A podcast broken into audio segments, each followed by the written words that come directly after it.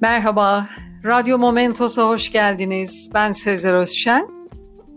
Urfa'daki Balıklı Gölü bilmeyeniniz yoktur sanırım. Şimdi onun tarihinden bahsedelim. Tarihsel ve bilimsel verilere göre Balıklı Göl havuzları yarı kadın, yarı balık olan tanrıça Atargatis için yapılmış birer antik pagan tapınaklarıdır. Milattan önce bin yılları arasında net olmayan bir tarihte yapıldığı tahmin edilmektedir. Günümüzde İsrail, Lübnan, Suriye'de de Tanrıça Atargatis'e adanan, içindeki balıklara dokunmanın ve yemenin yasak olduğu balıklı havuzlar vardır. Aramiler ona Atarata demişler.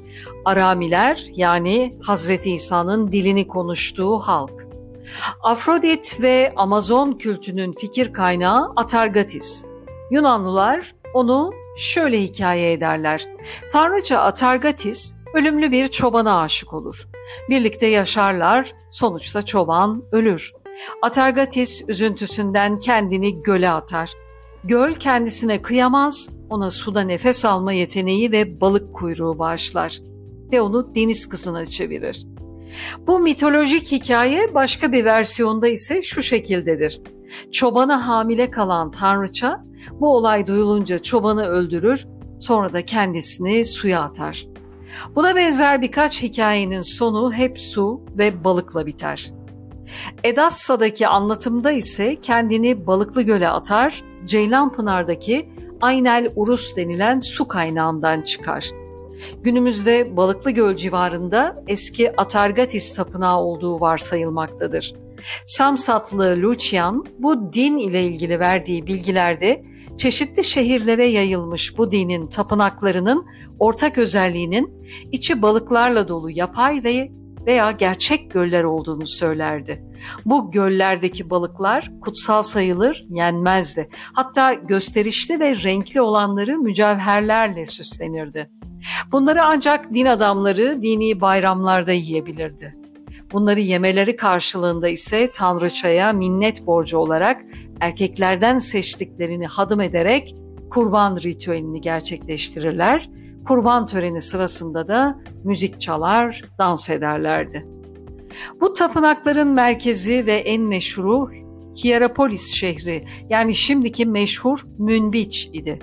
Diğer önemli merkezler ise Kudüs'ün batısında yer alan antik şehir Ascalon, Delos ve Darende şehirleriydi. Atargatis tapınaklarının diğer bir özelliği ise bu mekanlarda domuz kesilemez, yenemezdi. Atargatis'in yaşadığı Münbiç'te bu dinin en büyük tapınağı mevcuttu ama maalesef buralarda yaşayanların eski tarihe olumsuz bakışından nasibini alarak şu anda yerinde yerler esmekte. Balığın ve yaşadığı gölün kutsallaştırıldığı pagan din anlayışının ürettiği bu kült Hristiyanlar döneminde de çeşitli renk ve kılıflara girerek Müslümanların Hazreti Ömer zamanında Urfa'yı fethine kadar devam etmiştir. Şehirde İslam egemen toplum oluşturunca paganist Balıklı Göl kültü şekil değiştirmiş. Hazreti İbrahim'in ateşe atılma efsanesine evrilerek kutsal varlığını korumaya devam etmiştir. İslami mitolojinin halk dilinde yayılması, Şanlıurfa'daki kültür vakıfları ve belediye kurumları bu anlatıyı turizm nedeniyle birebir alıp anlatılara ön ayak olması, tarihi Balıklı Göl platosunun kültürel tarihi hakkında bilgi kirliliğine neden olmuştur. Belediye günümüzde hala 7-14 yaş arasındaki çocuklara mitolojiyi öğretip Balıklı Gölü ziyaret eden yerli ve yabancı turistlere bunu anlatmalarına izin vermektedir. Çocuklar para karşılığında turistlere mitolojiyi anlatmaktadır. Şanlıurfa Anadolu'da en eski yerleşim yerlerine sahip bir kenttir. 12 bin yıllık bir tarihi olan Urfa topraklarında Ebla, Akkad, Sümer, Babil, Hitit, Arami, Asur, Pers, Makedonya, Osroene, Roma, Bizans, Emevi, Abbasi, Akkoyunlu ve Osmanlı Devlet ve İmparatorlukları hüküm sürmüştür. İşte bu kadar çeşitliliğin olduğu topraklarda tarih toprak altındaki kazılardan ortaya çıkıp ses veriyor.